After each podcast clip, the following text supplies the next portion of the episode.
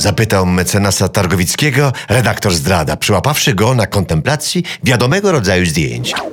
No, nie tak jak myślisz. Poczerwieniał Targowicki. To tylko portret młodzieńca z wielkim ptakiem w dłoni. Ulubiona fotografia, poseł profesor z Uniwersytetu Katolickiego. I wtedy redaktor zdrady olśniło.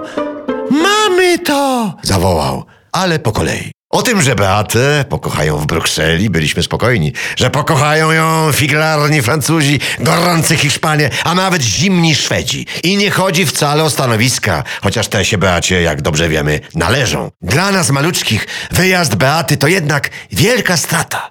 Bo kto teraz zostanie królową naszych serc? Kto będzie pielęgnował rany zadawane przez bestialską opozycję?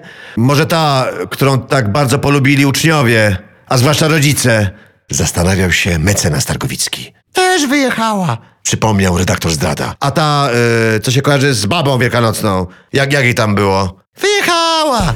Powtórzył redaktor zdrada jeszcze bardziej ponurym tonem.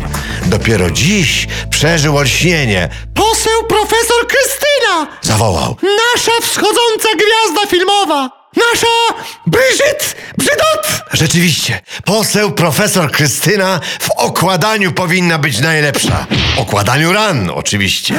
Mieliśmy Lady Dianę, pora na matkę Teresę. Taką, na jaką zasłużyliśmy. Tylko za jakie grzechy?